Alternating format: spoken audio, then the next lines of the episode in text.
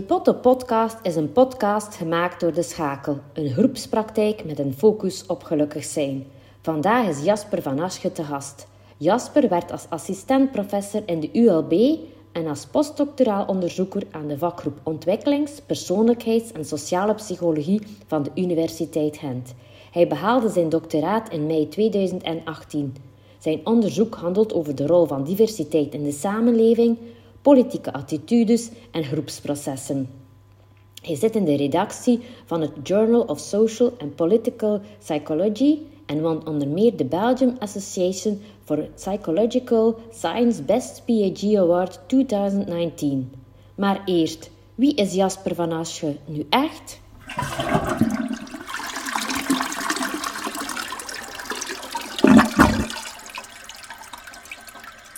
Um, ja, dat is een goede vraag. Dus uh, Jasper van Assen is, um, is verschillende dingen eigenlijk, verschillende identiteiten. Uh, op werkvlak uh, ben ik een sociaal en politiek psycholoog um, die zich bezighoudt met een aantal wetenschappelijke studies in Gent. ik heb daar mijn doctoraat gedaan. En dan in Brussel werk ik als chargé de cours. daar geef ik dus les in sociale psychologie. Uh, op andere vlakken of andere domeinen ben ik ook nog papa en echtgenoot. Uh, dus dat vind ik ook belangrijk om te vermelden.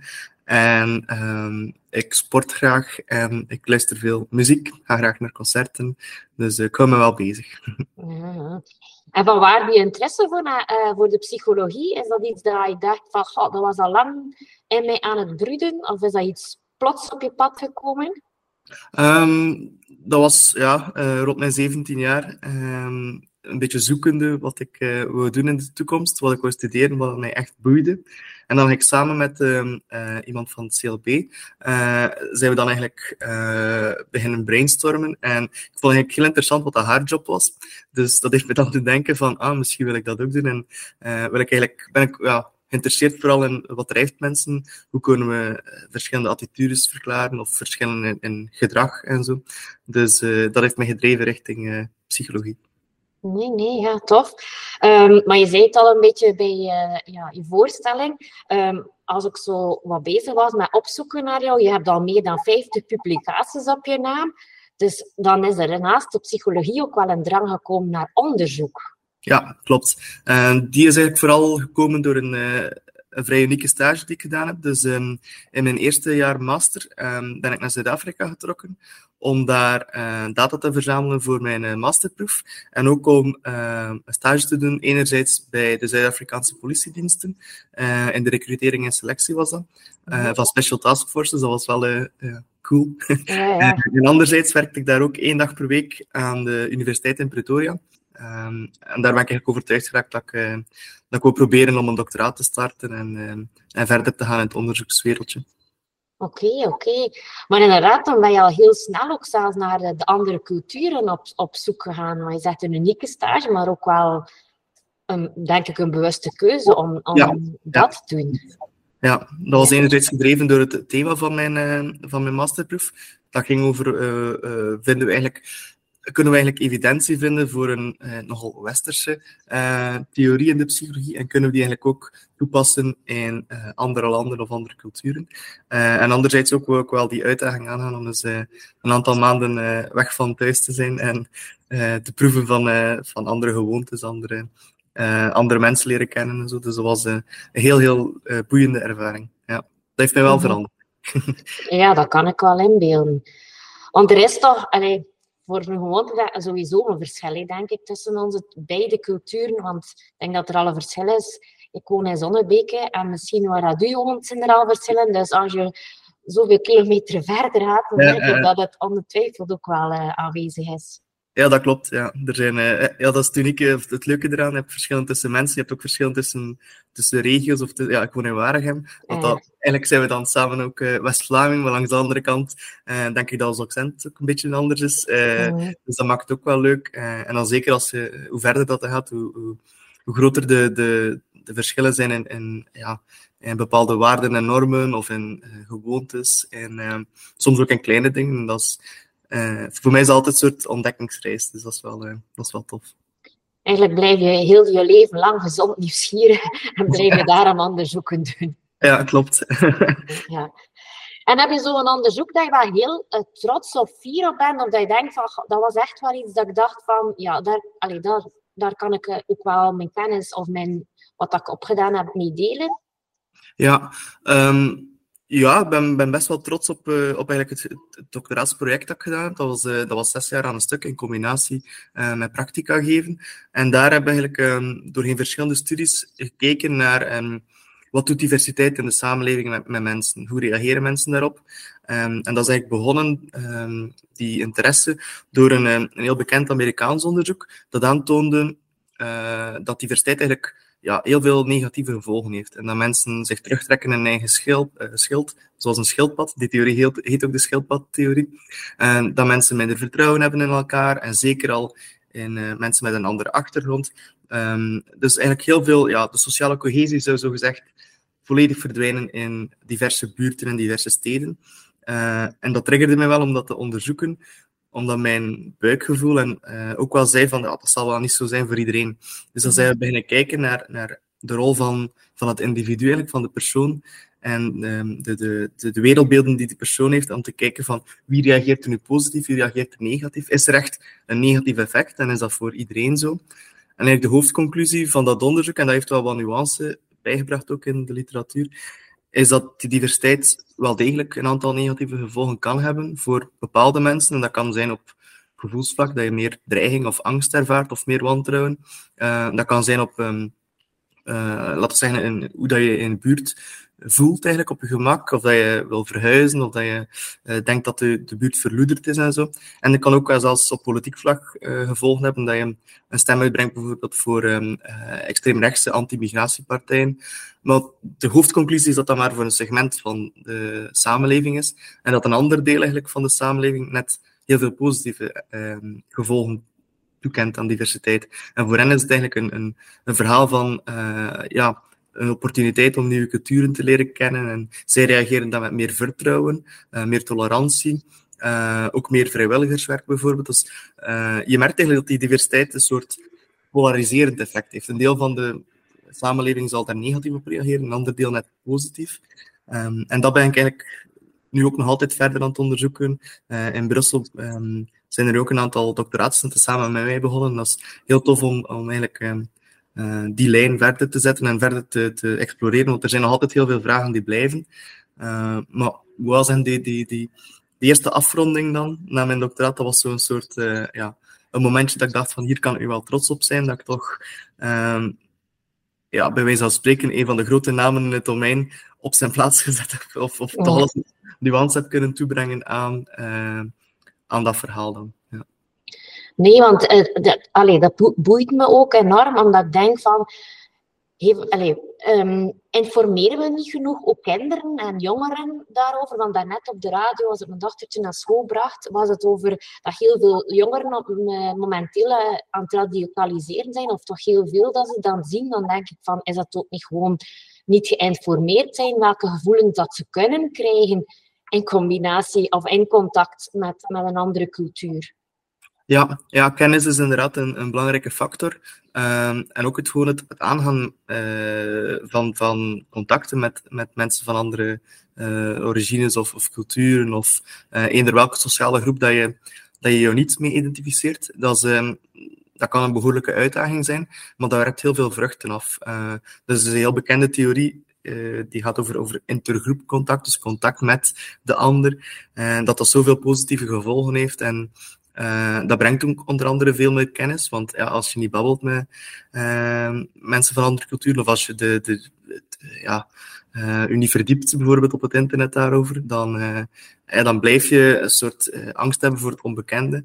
Um, dus dat kan wel een deel een rol spelen daarin. Er zijn andere factoren ook, zoals de media, zoals um, natuurlijk het feit dat, dat er ja, mensen zoeken ook soort zoekt soort een beetje. Ze zoeken ook mensen die op hun eigen gelijken en dan versterken die, die uh, vriendengroepen misschien elkaar ook in een, in een negatieve mening bijvoorbeeld.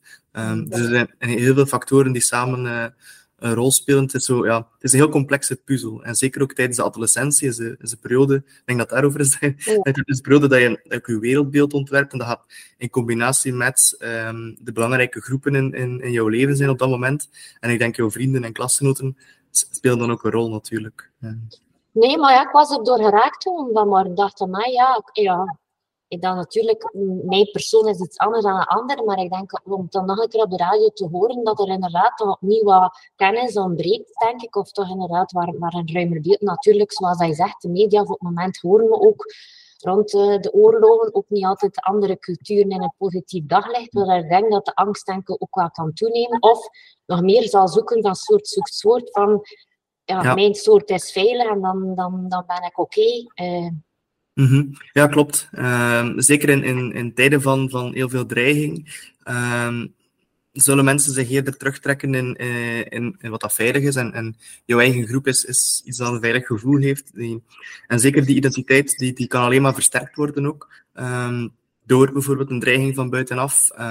denk nu aan, aan de oorlog in Oekraïne bijvoorbeeld. In het begin was het onduidelijk van komt hij naar hier overgewaaid? Of, of uh, Brussel is de hoofdstad van Europa. Is dat mogelijk een target, bijvoorbeeld?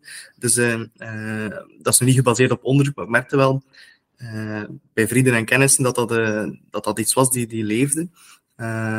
natuurlijk ook andere conflicten op dit moment die, die, ja, die aan de gang zijn, die, dat draagt er niet toe bij dat, dat onze stereotypes zouden veranderen. Um, ook al denk ik dat, de, dat er nu wel met conflict bijvoorbeeld in, in Israël en Palestina, dat er, dat er toch wel een soort nuance wordt aangebracht, ook in de, in de media, en dat, uh, dat de slachtoffers gehumaniseerd worden. Dat vind ik wel belangrijk. Dat je ziet ook van, uh, langs beide kanten, dit zijn kinderen bijvoorbeeld, of, of, of ouders en, en mensen die, die, die daar hele leven hebben opgebouwd, die nu niks meer hebben, of die mensen verliezen rondom hen. Um, terwijl dat bij andere conflicten heb ik het gevoel dat er vaak gefocust wordt aan, op, louter op cijfertjes. En als je mensen reduceert naar een, naar een nummer of naar een statistiek, dan, ja, dan ben je niet zo goed bezig. Of dan, dan speel je ook weer die polarisatie misschien wat in de hand. Dus uh, ik vind het heel belangrijk. Ik denk dat de, de media zich misschien daarvan bewust ook aan het worden is. Van, uh, we moeten blijven beklemtonen dat het, uh, dat het om mensen gaat. Nee, dat denk ik ook. Ik denk dat natuurlijk wel een beetje een gevoelige is, maar ik denk uh, straks zijn er opnieuw verkiezingen.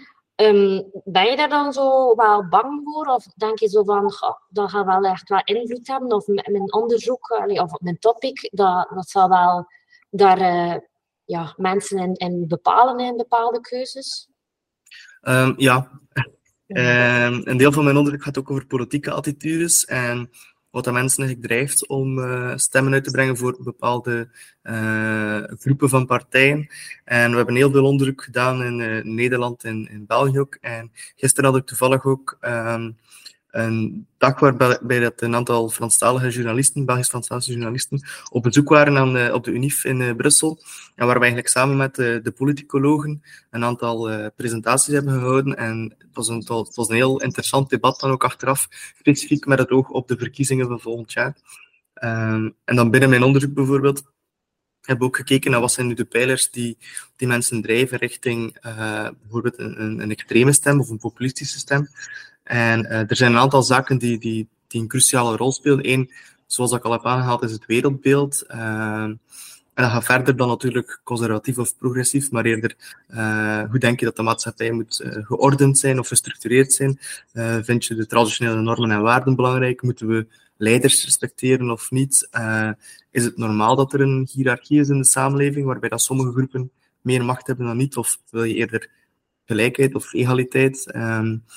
Dat soort dingen spelen een rol. Als het dan gaat over extreme stemmen of populistische stemmen, dan uh, moeten we vooral ook denken aan uh, ja, een soort cynisme richting politiek en politici, wat dat ook heel hard aan het groeien is. En dat kwam in verschillende presentaties gisteren terug, dus dat gaf me ook wel het idee van, dit is iets dat, uh, ja, dat, dat meer een rol speelt dan vroeger en mensen, uh, dat mensen drijft tot een proteststem. Dus mensen zijn niet echt tevreden met, uh, of vaak niet tevreden met hoe de regering het op dit moment doet. En dan zoeken ze eerder um, naar, um, ja, naar extremere varianten.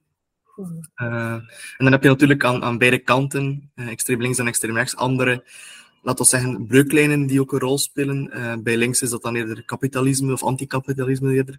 Bij rechts is het dan het migratiedossier dat een, een, heel belangrijke rol speelt. Dus er zijn heel veel thema's in de samenleving momenteel. Een aantal zijn ja, tijdelijk opgekomen, of, of nu pas opgekomen. Een aantal spelen al lange rol.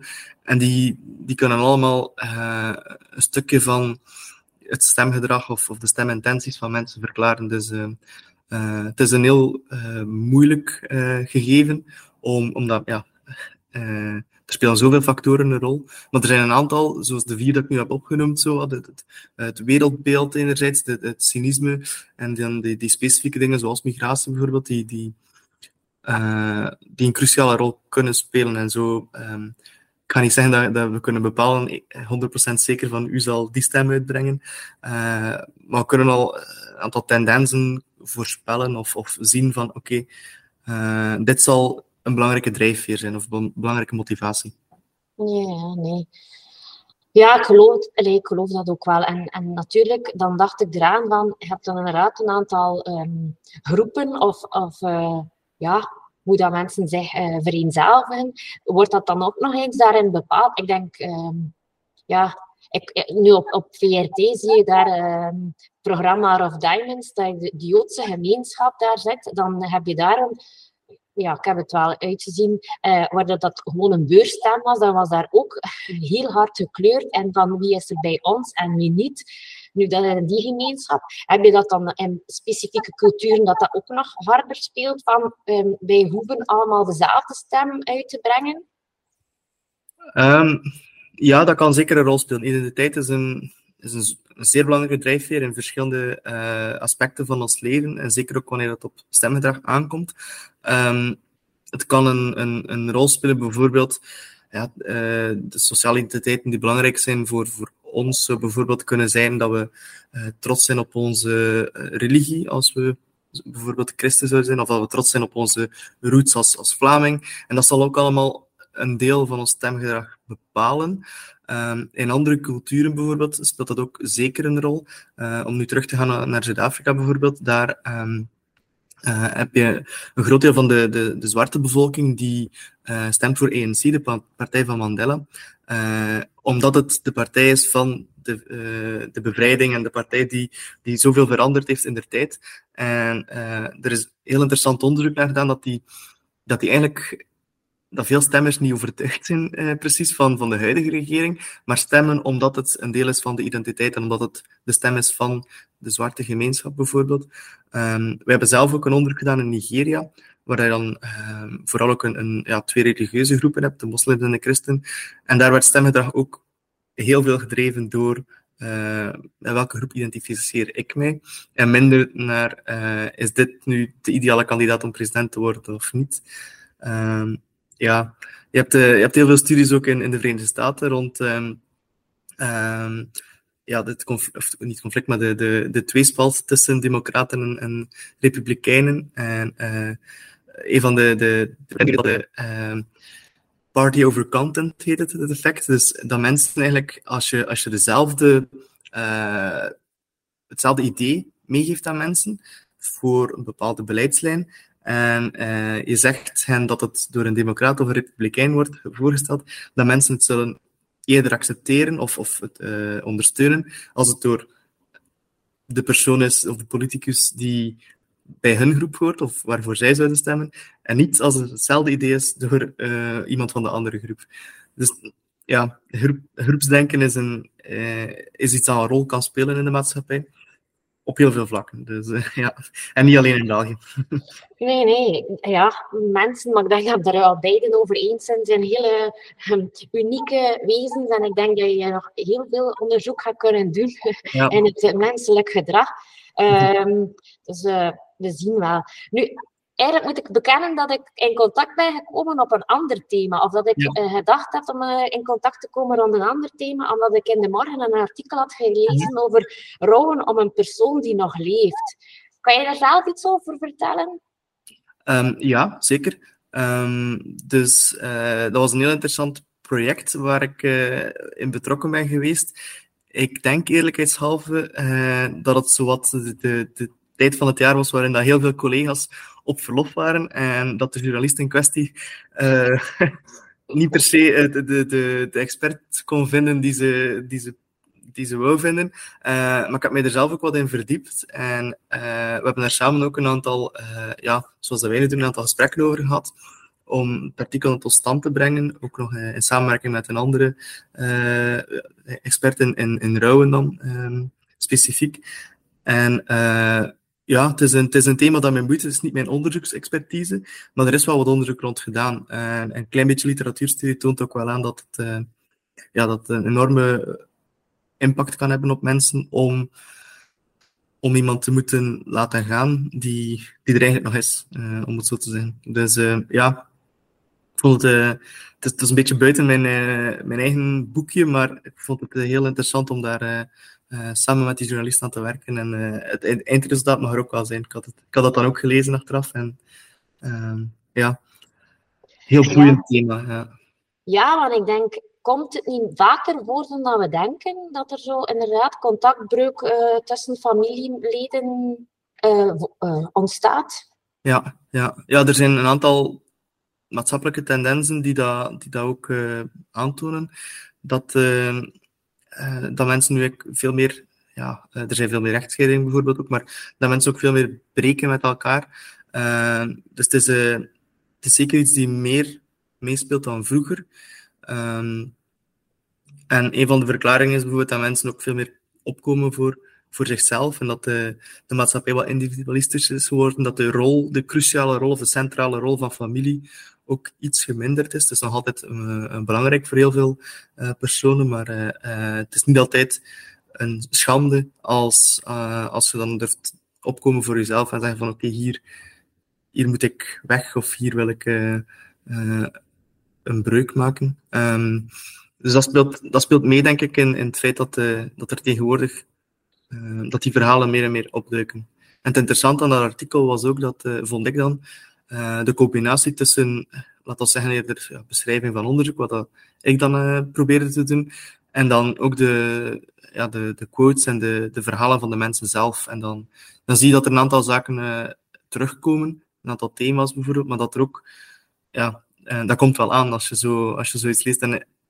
ik denk dat je niet zo heel veel empathie zelfs moet hebben om, je, om de plaats van de ander te kunnen innemen en, en mee te voelen met die persoon. Want ja, kan, kan heel hard zijn natuurlijk, als, als je zo, zo'n proces moet gaan. Van beide kanten natuurlijk, van degene die weggaat of degene die, die achterblijft. Mm En ja, natuurlijk zegt het is niet jouw thema, maar rouwen is ook wel iets dat meer erkend wordt bij, bij diversere thema's dan het vroeger echt wel overlijden of het kwijtraken van. En dat maakt het voor mij ook wel mooi dat het wat licht kreeg op het inderdaad, het, het rouwen over iets die eigenlijk niet, die, die verdwenen is. Ja, klopt. Ja, um, want dat is nu ook wel ja, een beetje de fout geweest van, van de onderzoekers toch in het begin rond dit thema. Die hebben dan geprobeerd om um, de theorieën rond rouwen bij een overlijden toe te passen op, op dit soort trouwen. En dat lukt niet altijd. Eén reden is ook al dat, de, dat ieder rouwproces individueel is en dat, dat een aantal aspecten wel zullen terugkeren, maar een aantal, aantal andere ook niet. Ik vond het een mooie uh, vergelijking die uh, mijn collega maakte, dat, uh, dat een soort bootje is dat eigenlijk op, op een rivier zit. Dat je zit tussen twee oevers en je moet het eigenlijk zelf zien te sturen, wat dan niet altijd makkelijk is natuurlijk. Uh, en, en, soms zal je een keer tegen de kant botsen, maar je zal altijd wel weer terug naar het midden gaan. En ja, ik denk dat dat misschien wel een, een, een van de mooiste beschrijvingen is van, van dat proces ook, want zeker in het begin van een, van een breuk dan tussen familieleden merk je, merk je vaak nog die, het aantrekken en afstoten dat de, tijdelijk toch een rol kan spelen of dat de, een plaats inneemt. En dat, er, dat er dan ergens ook een oplossing moet gevonden worden. Um, en daar zit het alweer ja, uh, in de moeilijke fase, net zoals dat over mijn onderzoek rond diversiteit het iets makkelijker is om de problemen aan te kaarten, wat dan moeilijker is om na te gaan over wat is nu de oplossing voor die polarisatie bijvoorbeeld, is hier ook ja, relatief simpel. Het is niet altijd simpel, maar om te tonen wat dan de problemen zijn voor mensen, maar om echt handvatten aan te reiken om, om tot oplossingen te komen. Ik denk, ja, een gesprek is, is nodig, maar is niet altijd gemakkelijk.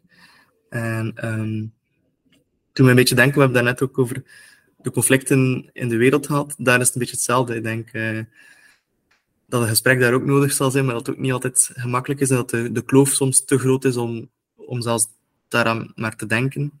Um, maar ja, ehm, ik denk, ja, de onderzoeken tonen dan ook aan, die, die slachtofferrol mag je zeker aannemen. Maar het is ook tegelijk ook belangrijk om, om een soort ownership te hebben of een soort uh, verantwoordelijkheid op te nemen en dan te kijken van oké, hoe kan ik hier nu uit die put geraken en zijn er oplossingen? Hoe kunnen we het eventueel aanpakken samen om te zoeken naar uh, iets dat ons terug verbindt? Uh, want waar ik dan mijn masterproef bijvoorbeeld over gedaan heb, is de rol van bepaalde psychologische behoeftes. En één daarvan is verbindenis of verbondenheid met elkaar. Dat is een van de drie cruciale ja, voedingsstoffen bijna uh, voor welbevinden. En ik kan me inbeelden als, als, als er een breuk is met een familie bijvoorbeeld, dat, die, dat een van die drie behoeftes dan ja, volledig weg is. En, en er zijn dan natuurlijk ook andere groepen, we hebben al over de rol van groepen gespeeld, die een buffer kunnen zijn. Uh, je zal wel troost vinden bij vrienden bijvoorbeeld, of uh, collega's eventueel. Maar het is natuurlijk, ja, net omdat we ook zeiden dat die, dat die familie een, centrale rol speelt, is denk ik belangrijk dat er ook die, die, die behoefte rond uh, verbondenheid kan, kan, ergens kan bevredigen. Um, om dan terug ja, een positieve zelfbeeld, een positieve zelfwaarde, welbevinden, uh, levenstevredenheid terug te vinden. Maar ja, moeilijk verhaal. Ja, en, en heb, hebben breuken, denk je, ook een invloed op ons uh, maatschappelijk beeld? Omdat dat nu misschien eerder kan en mag uh, dan vroeger, dat dat ook een, een, maatschappelijk gevolg kan hebben? Ja, ik denk. Um, um, er zijn heel veel in de psychologie dat transfereffecten. Uh, dus dingen die gebeuren in één domein van het leven kunnen een grote invloed hebben ook op andere domeinen. Uh, en ik denk dat een, een breuk met een familie het sowieso in eerste geval een, uh, een, een, wantrouwen zal veroorzaken in die persoon specifiek. Maar dat dat dan ook kan overslaan naar uh, andere mensen, naar andere groepen, of misschien zelfs net de maatschappij in het algemeen. Um, of naar de regering, om nu terug te komen op iets anders, uh, waar we het al over hadden. Dus, dus die, dat wantrouwen kan zich, kan, kan zich voortzetten op, op andere vlakken ook. En, um, dus ja, ik ben niet per se op de hoogte van, van sociologische studies die, die kunnen aantonen dat er over tijd een daling is, bijvoorbeeld in wantrouwen in elkaar of in, in, uh, in de maatschappij op, in, in, het algemeen. Maar het is wel zo dat, dat bepaalde ervaringen uh, ook daarin invloed zullen kunnen hebben. Anderzijds ook als, als er dan weer, als die breuk gelijmd wordt of als er andere positieve uh, ervaringen zijn met, met andere mensen die belangrijk zijn voor ons, kan dat een beetje vertrouwen in die mensen dan ook weer opnieuw een rol spelen in hoe we denken over, over de wereld in het algemeen, of, of als we een willekeurige ander op straat zouden vertrouwen, ja of niet. Mm -hmm. ja. Nu, je zegt daar zo mooi van, ja, een goed gesprek, uh, zelfs op wereldniveau, als uh, in familiebanden zou veel kunnen oplossen. Is dat dan zo omdat de mens eigenlijk wel van nature vergevingsgezind is? Misschien ben ik nu al kort door de bocht, maar uh, zijn we als wezen misschien dan toch, als het oprecht is, tot veel mogelijke oplossingen toe in staat? Um, heel goede vraag. Uh, ik denk dat er sowieso veel individuele verschillen zijn, maar uh, ja, in de geschiedenis zijn er toch een aantal voorbeelden, frappante voorbeelden van een enorme vergevingsgezindheid geweest al. En op individueel vlak ook denk ik dat, uh, ja, dat, dat het wel kan. En er zijn een aantal factoren ook weer opnieuw die, die een rol spelen, of die een, bijvoorbeeld een verontschuldiging is al een goede aanzet om tot die verzoening te komen. Uh, en er zijn een aantal aspecten in die verontschuldiging, zoals ja, je zei al, de oprechtheid bijvoorbeeld, die, die er moet zijn. Um, en als die aanwezig zijn, en, en, als we nu mogen spreken over interpersoonlijke relaties of relaties tussen, tussen landen, als dat er is, dan, uh, dan zal het een impact hebben. Uh, en opnieuw, mijn eigen onderzoek speelt zich al eerder, af op groepsniveau. Maar uh, we hebben ook onderzoek gedaan naar bijvoorbeeld het koloniaal verleden in België. Uh, en daar, merkt, merk je dat er enerzijds ook. Um, oh, ik ben nu de naam van de serie vergeten. Er was een, een serie een aantal jaar geleden over de Congolese gemeenschap in België. Um, en uit die interviews bleek ook dat er een enorme vergevingsgezindheid ook was, uh, in zekere zin. Uh, maar dat, een, dat er ook wel een verlangen was tot, tot een, een officiële verontschuldiging. En uh, we hebben dan zelf ook een onderzoek gedaan bij de, bij de studenten in Gent bijvoorbeeld, over, ten eerste ook over hun kennis over het verleden, over wat dat zij denken dat dat noodzakelijk is, over hoe zij staan ten opzichte van een verontschuldiging bijvoorbeeld, maar ook ten opzichte van reparaties, wat dat dan gaat over bijvoorbeeld uh, monetaire steun of, of geld geven om, om het goed te maken. En er was er heel veel variatie in, in mening. Dat was ook gerelateerd aan, aan andere zaken, zoals etnische vooroordelen, zoals bepaalde wereldbeelden en zo. maar langs de andere kant merkte je toch, als je, als je naar die, de gemiddelde scores keek, dat er wel een, soort bereidheid was, of een soort besef van oké, uh, als we willen eigenlijk dat, die, dat de relaties zich opnieuw harmoniseren, dan moeten we misschien wel die stap durven zetten. En je stelt jezelf kwetsbaar op, ook als individu, als je op, je oprecht verontschuldigt voor, uh, voor een fout die gemaakt is. Uh, langs de andere kant zal het meestal wel uh, ook wat opbrengen. Mm. Ja, ja. Ik ben inderdaad wel geboeid ook rond dat stuk. In andere culturen, zo breuken met familie, ik denk dat, dat, dat er sommige culturen dat dat toch nog altijd een hele moeilijke kwestie zou zijn. Ja, ja. ja opnieuw een van de, de dimensies op, uh, waarbij de culturen met elkaar kan vergelijken is uh, individualisme versus collectivisme.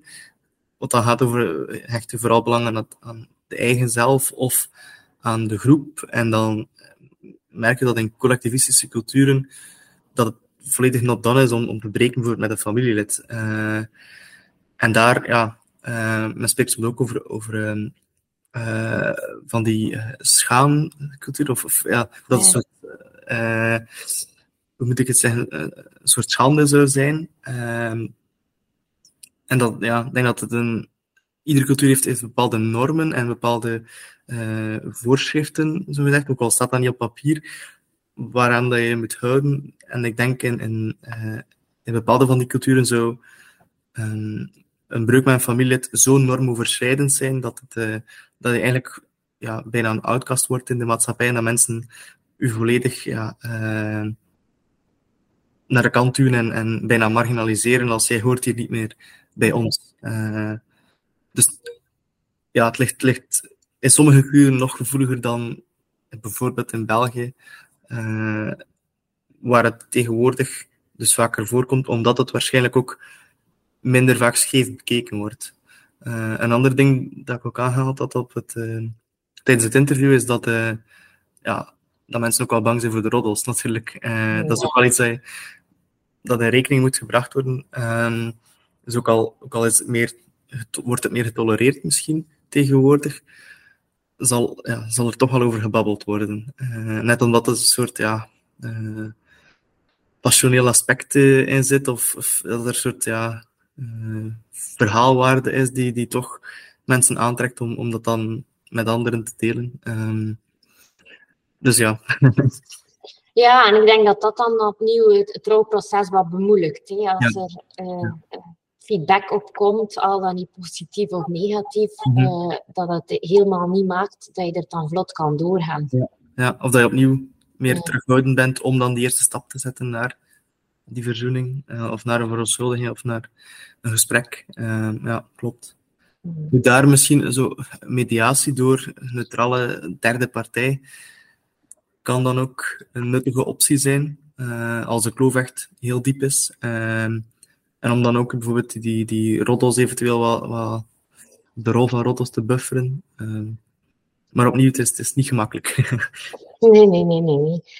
Nu, um, je zegt, ben volop bezig in onderzoek. Um, hoe moet ik dat dan inschatten? Is dat dan nog iets van jaren? Is dat nog van, zitten daar termijnen op? Of ik ben een beetje een leek, hoor. ah, nee, geen enkel probleem. Uh, dus mijn, mijn doctoraat was, uh, was zes jaar. Dat was uh, een contract van zes jaar. Daar heb ik, uh, daar heb ik dan afgerond. Um, en dan is het eigenlijk een kwestie om, om op zoek te gaan naar, naar beursgeld, eigenlijk, om te kunnen blijven in, aan de universiteit werken. ik heb dan zelf nu tweemaal in Gent een, een postdoctorale beurs gehaald. Eén keer junior en nu ben ik senior, zo gezegd. Ja. Um, en dat is dan telkens drie jaar. Dus op zich kan je wel een tijdje werken in de academische wereld en dan het, het, duurt heel lang vooraleer onderzoek afgerond is. Je hebt uh, enerzijds ja, het bedenken van de ideeën, het graven in de literatuur om te zien van waar zijn nu nog de hiaten en zo. Uh, ten tweede dan het verzamelen van data, wat dan niet altijd uh, vlot verloopt of wat soms lang kan duren. Zeker als je bijvoorbeeld als ontwikkelingspsycholoog, zeg maar, mensen over tijd gaat volgen om te zien hoe evolueren mensen of wat gebeurt er in de, in, de, in de groei of in de ontwikkeling. Dan heb je het, het uitschrijven van een artikel, wat dat ook een tijdje duurt. Er is een reviewproces waarbij dat peers of andere experts uw werk anoniem gaan beoordelen en jouw feedback kunnen sturen. Dat proces kan ook een aantal keer een soort gepingpong heen en weer zijn. Uh, dan wordt het uiteindelijk gepubliceerd, dan mag, uh, mag je je werk verdedigen, bij wijze van spreken, of zijn er congressen waar je uh, die resultaten met anderen kan delen. maar heel dat proces, dat ja, kan makkelijk een jaar duren om, om één project van A tot Z te doen. Zeker. Dus dan ben ik wel in een luxe positie geweest om, om, om veel tijd te hebben voor mijn onderzoek, in combinatie dan ook met, met wat onderwijs. En in Brussel nu zit ik eigenlijk op een uh, permanente functie. Dus daar kan ik eigenlijk, well, ik ben nu nog probatoire, zoals het heet, on probation. En die zullen uh, op het eind van dit academia dan mijn onderwijs en onderzoek progressie evalueren. maar in principe zou ik daar dan permanent kunnen aanblijven. Um, dan is het opnieuw ook een kwestie om onderzoeksgeld te zoeken, om een lab uit te bouwen, om samen met collega's ja, aan projecten te, te, starten. Maar dat heeft dan ook wel weer de, rust, omdat je iets meer tijd hebt om, om dat dan grondig te doen. Uh, vaak bij, bij uh, academici in het begin van de carrière is er die, die stress. En men spreekt ook in het Engels van publish or perish. Dus publiceer uw werk of verdwijn. Ja. En het is een soort bottleneck. Hè. Uh, je hebt telkens ongeveer 1 op 10 die, die overblijft. En 1 op 10 van de masterstudenten uh, die geïnteresseerd is in een doctoraat, zal een doctoraat starten. 1 op de 10 van de mensen die een doctoraat heeft gehad, zal een postdoc doen. Uh, na de postdoc zijn er dan maar ja, 1 op de 10 zal dan een permanente functie krijgen. Um, dus om, om effectief een prof te worden, uh, zijn er wel wat hinderpalen onderweg. En het is belangrijk om daar, om daar ook structureel over na te denken van hoe kunnen we die, hoe kunnen die, die weg eigenlijk voor mensen die dat echt willen, hoe kunnen we zorgen dat die, dat die drempels verlaagd worden. Uh, vooral ook, ik denk nu bijvoorbeeld aan, aan vrouwelijke collega's die, die, die zwanger worden tijdens een, een, een, bijvoorbeeld een postdoc die maar één jaar duurt. Ja, wat doe je dan? dan zit je ook in een soort moeilijke of precaire situatie met heel veel onzekerheid. Dus ja, het is, het is, niet altijd gemakkelijk om, uh, laten we zeggen, ik zit nu zelf ook in een jong gezin, om dan met die onzekerheid soms om te gaan. het academische wereld heeft mij heel veel gebracht. Heel veel mensen leren kennen, cultuur leren kennen ook opnieuw. Heel veel mijn passie kunnen doen, wat dat is. Dus onderwijs, maar ook wel onderwijs. Ik merk dat ik dat heel graag doe. studenten begeleiden en zo. Ehm, dat boeit mij enorm. Maar langs de andere kant heb je ook telkens ook die, dat heet hangijzer of die, die, dat zwaard boven je hoofd, waar je moet mee rekening houden. Um, het is een, een heel boeiende, interessante job. maar het is niet voor iedereen. Er is heel veel stress die er ook mee gepaard gaat. Nee, ik kan het ook geloven. En, en het is dat, dat ik het ook wel nog een keer echt wel wil benoemen, omdat het zo nuttig is. Maar het is inderdaad niet zo evident, zoals dat de mensen ook denk ik al denken. Of als er dan inderdaad een publicatie komt, wat er allemaal achter zit, of welke tijd dat er daarvan vergaan is. Dus blij dat je het ook wel een keer schetst, omdat het niet zomaar een los idee is en dan uh, we schrijven maar. Dat het inderdaad wel uh, soms jaren werk uh, verrichten is. Ja, klopt. Ja. Maar ik denk dat het ook wel nodig is om, om door dat proces te gaan, om dan eigenlijk ons, ja, moet een soort geloofwaardigheid ook hebben. het is veel meer dan gewoon iets uit de duim zeggen of een soort buikgevoel. het is echt, ja, zeker binnen de psychologie, wat dat vaak als zachte wetenschap wordt gezien, zit er toch wel heel veel methodiek, statistiek en theorisering achter. En dat is wel belangrijk om niet zomaar iets iets te doen of iets uit te brengen. Er zit altijd een idee achter en, en vaak komen de, de, ideeën ook door, door de zaken die in de maatschappij gebeuren. Ja, mocht, mocht België 2% mensen met immigratieachtergrond hebben, zou het waarschijnlijk niet zo belangrijk zijn geweest voor mij om, om daar dan onderzoek over te doen. Dus het is iets dat een maatschappelijke tendens die dat, dat opgewekt heeft. Um, het zou waarschijnlijk ook niet zo belangrijk geweest zijn voor, voor bepaalde partijen om daar dan een punt over te maken ook. Um, langs de andere kant zijn er, zijn er andere thema's die, die er altijd zijn. Uh, de rol van de familie. Ja, de onderzoekers zijn er al mee bezig sinds, sinds 1950, bij wijze van spreken. Uh, heb je de, de, de belangrijke theorieën uit de uh, ontwikkelingspsychologie, uit de familierelaties, uit uh, motivatiepsychologie ook. zijn er heel veel door die jaren heen grondige kaders, theoretische kaders opgericht eigenlijk, die jarenlang eigenlijk empirisch onderzocht zijn. En dan, als er dan iemand een conclusie geeft of een, een soort advies geeft bijvoorbeeld op basis van dat onderzoek, dan, dan mag je daar wel vertrouwen in hebben dat dat ook ergens een, een grondslag heeft.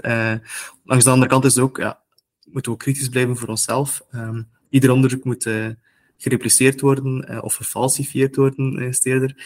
En ik vind het ook heel, heel um, interessant om, om soms collega's te horen die zeggen, ah, ik heb het, hetzelfde idee getest en bij mij komt het niet uit, of bij mij komt het net iets anders uit. Zullen we eens brainstormen over wat dat dan de rol zou kunnen zijn, wat er hier gebeurd is, of...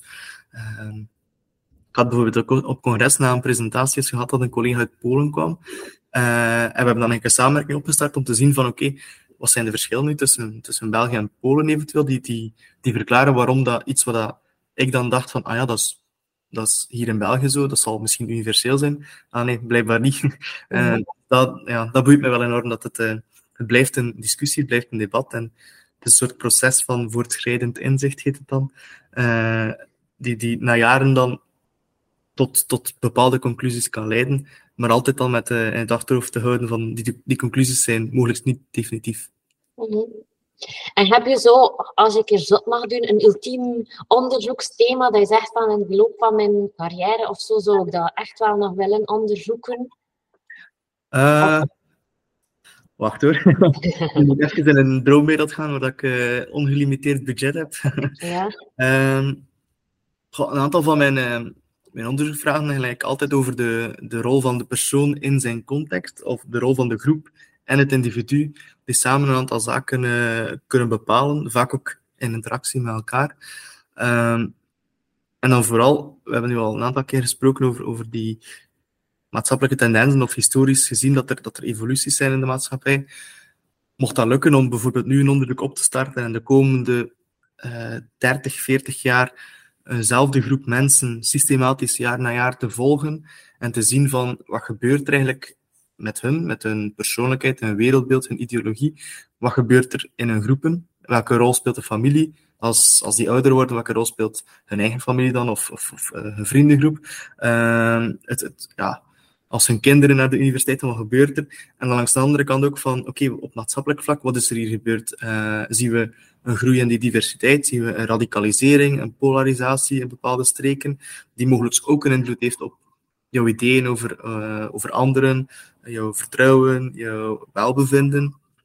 Um, de acties die je onderneemt, bijvoorbeeld, uh, de, de keuzes die je maakt. Dus uh, mocht ik dat kunnen doen, dan zou het iets heel groots worden. ja. Dus als we een fonds opstarten, dan mogen ze nu beginnen te starten. Ja, nee. Mijn rekeningnummer is. ja, ja. Nee, maar ik wens het wel toe en ik geloof er ook in. Dat kennis ook wel... Allee, kennis is ook weten en door iets te weten kunnen we ook wel ons gedrag beïnvloeden of mhm. inderdaad nadenken over ons gedrag.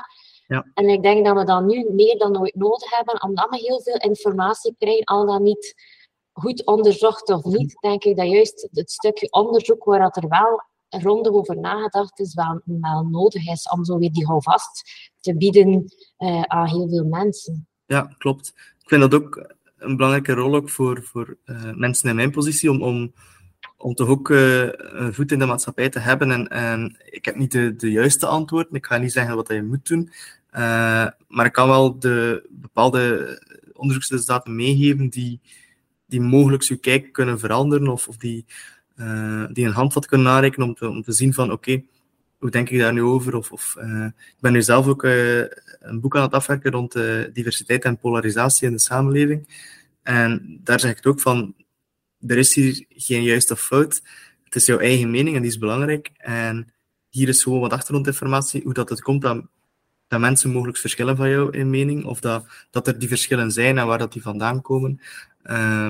Dus ik denk, een, een, ja, hoe, meer informatie er is, en hoe meer informatie dan die gebaseerd is, idealiter op, op uh, empirisch onderzoek, uh, hoe, ja, hoe beter geïnformeerd, hoe, hoe,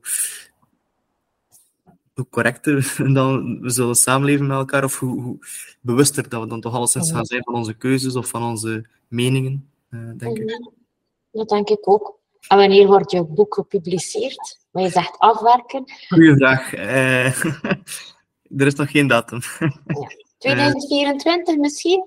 Ik hoop het. Uh, okay. ja, het is al een aantal keer uitgesteld. Ja, het wil zeggen dat je het goed wil doen. Hè? Dus uh, we volgen het op de voet. Het zal wel uh, aan ons oren komen wanneer dat het gepubliceerd wordt, denk ik. Ja. Nu, mijn podcast heet zelf De Pot Op. En ik vraag ja. aan al mijn gasten van waar heb je toch eens zin om op de pot op tegen te zeggen? Ah. uh, hmm. Van nature ben ik eigenlijk wel positief ingesteld. Dus de pot op. Goh, dat zou ik zeggen conflict in de wereld, maar dat is zo cliché misschien. Uh, nee. maar uh, natuurlijk, als er geen conflict meer is, heb ik misschien geen werk. nee, nee. Uh, ik zou dan eerder zeggen dat. Ja. ja. daar moeten we ons over zetten, toch? En iets toleranter worden naar elkaar toe. Ja, of, of dat je zegt vanuit conflict. Ik zeg altijd, een ruzie of een conflict kan positief zijn als je ziet wat dat eigenlijk juist het probleem is en dan naar die oplossingen zoeken. Maar ik denk dat met heel veel conflicten zeer negatief zijn, uit de weg gaan en eigenlijk het conflict niet doorvoeren. Ja. Dus ik kan wel zeggen van, misschien conflict aan het lef die ons ontbreekt om er, om er ons door te worstelen of zo. Ja, ja. Nou aan wat we net uh, over gebabbeld hebben. Ja, het is dat. Uh, mijn praktijk zelf heet te schakelen. Ik probeer mijn gasten aan elkaar te schakelen. En ik heb dus aan mijn vorige gasten vraag gevraagd om aan u te vragen. En dat was... Uh, er is tegenwoordig en in het nieuws heel veel te doen rond artificiële intelligentie. Ze, de, ze vroeg haar af in welke mate heb je hier interesse voor en hoe denk je erover na en wat zou je er eigenlijk zelf wel over willen bijleren? Oké. Okay. Uh, ik ga de eerste twee deelvragen beantwoorden als onderzoeker. Uh, want het is natuurlijk ook een van de maatschappelijke tendensen die, die, die opgekomen is. En zeker nu met, uh, met ChatGPT en dergelijke meer. Uh, is het belangrijk om daar om ook daar wetenschappelijk onderzoek rond te doen. En ik ben van iets verder als co-auteur betrokken in een aantal projecten rond de attitudes naar AI en ChatGPT in specifiek dan. En het is interessant om te zien dat er bepaalde dimensies zijn uh, bij mensen, dat het niet per se een algemene negativiteit of positiviteit er tegenover is, maar dat er, dat er enerzijds een bezorgdheid kan zijn van uh, ja, bijvoorbeeld uh, mensen gaan lui worden, want ze gaan enkel maar AI gebruiken om huiswerk te doen of om artikels te schrijven, bij wijze van spreken, of masterproeven. Um, een andere bezorgdheid kan zijn van ja, AI zal het allemaal overnemen en uh, zullen de wereld veroveren. Maar er zijn ook een aantal positieve attitudes en die dimensies zijn ook interessant. Dat het een soort uh, tijdswinst kan opleveren, heel, heel praktisch kan zijn. Um, of dat het ook ja, uh, het creatief proces kan stimuleren als, uh, als het hand in hand gebeurt met een, een menselijke toets bijvoorbeeld. En dan is er een collega uit Nederland, waarmee ik heel toevallig op café zat een aantal weken geleden, die iets super interessants heeft gedaan. Uh, die had um, een onderzoek gedaan bij mensen die een museum bezochten. En uh, in dat museum hingen er, uh, een aantal kunstwerken van eenzelfde kunstenaar. En dan moesten mensen raden, uh, is het door de kunstenaar zelf gemaakt? Is het AI of door AI gemaakt? Of is het een combinatie? Het was telkens een combinatie. maar mensen kregen achteraf dan feedback erover. En als ze dachten dat het door een persoon was, maar ze hoorden van, ah, het is, het toch een deeltje ook AI, werd, hadden ze, gingen ze eigenlijk hun waardering voor dat werk naar beneden halen. Dat was iets heel interessants, uh, vond ik dan, om, om over na te denken. Uh, ja, persoonlijk dan uh, zie, ik, zie ik vooral heel veel kansen erin. Vooral ook voor, voor mensen die, die, die in de creatieve sector zitten, kunnen, kunnen er heel veel bij winnen.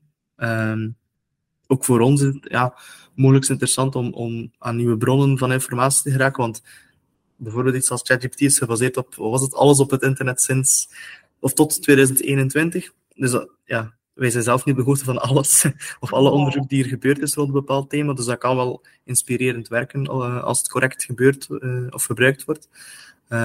langs de andere kant zijn er ook wel die gevaren of die bezorgdheden waarvan dat we ons moeten bewust zijn. Dus ja, ik denk dat ik zelf ja, uh, wat ambivalent tegenover sta. Maar ik wil het wel een kans geven. En ik denk dat het ook iets zal zijn uh, dat, dat nu een heel grote rol speelt. Of dat zal blijven een, rol, een rol spelen in de samenleving. Maar dat, nu, dat eigenlijk de... Ja, dat mensen er ook aan gewend zullen geraken misschien op termijn. Van kijk, dit is nu eenmaal een onderdeel van het leven. En wij als soort zijn er wel goed om ons aan te passen aan uh, grote veranderingen.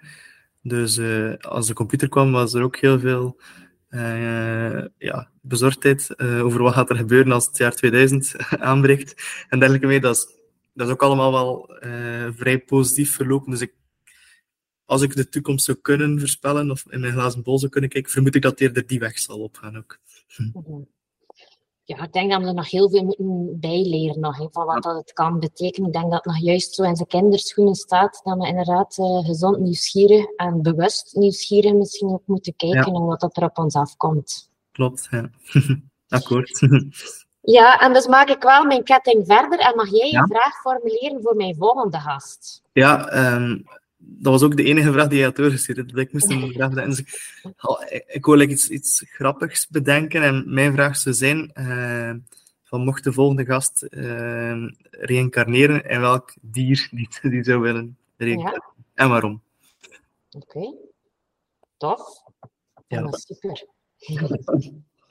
Ik zal hem zeker verder vertellen en uh, vragen. En dan het antwoord zal ik je nu nog moeten schuldigen uh, blijven. Maar uh, dat maakt het misschien juist prikkelend om naar de volgende gast te luisteren.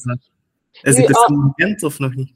Um, ik ga het nog niet zeggen. Ik weet het wel, maar dat maakt het spannend. Um, nu, heel erg bedankt om, voor je tijd. Ik vond het zeer boeiend. Ik denk dat we nog uren zouden kunnen verder praten over al de thema's. Bedankt daarvoor. Graag gedaan. Dit was de Pot op Podcast van De Schakel. Bedankt om te luisteren. Heb je een idee of wil je zelf eens op de pot? Geef een seintje. En oh ja, vergeet zeker niet te abonneren. Tot de volgende schakel!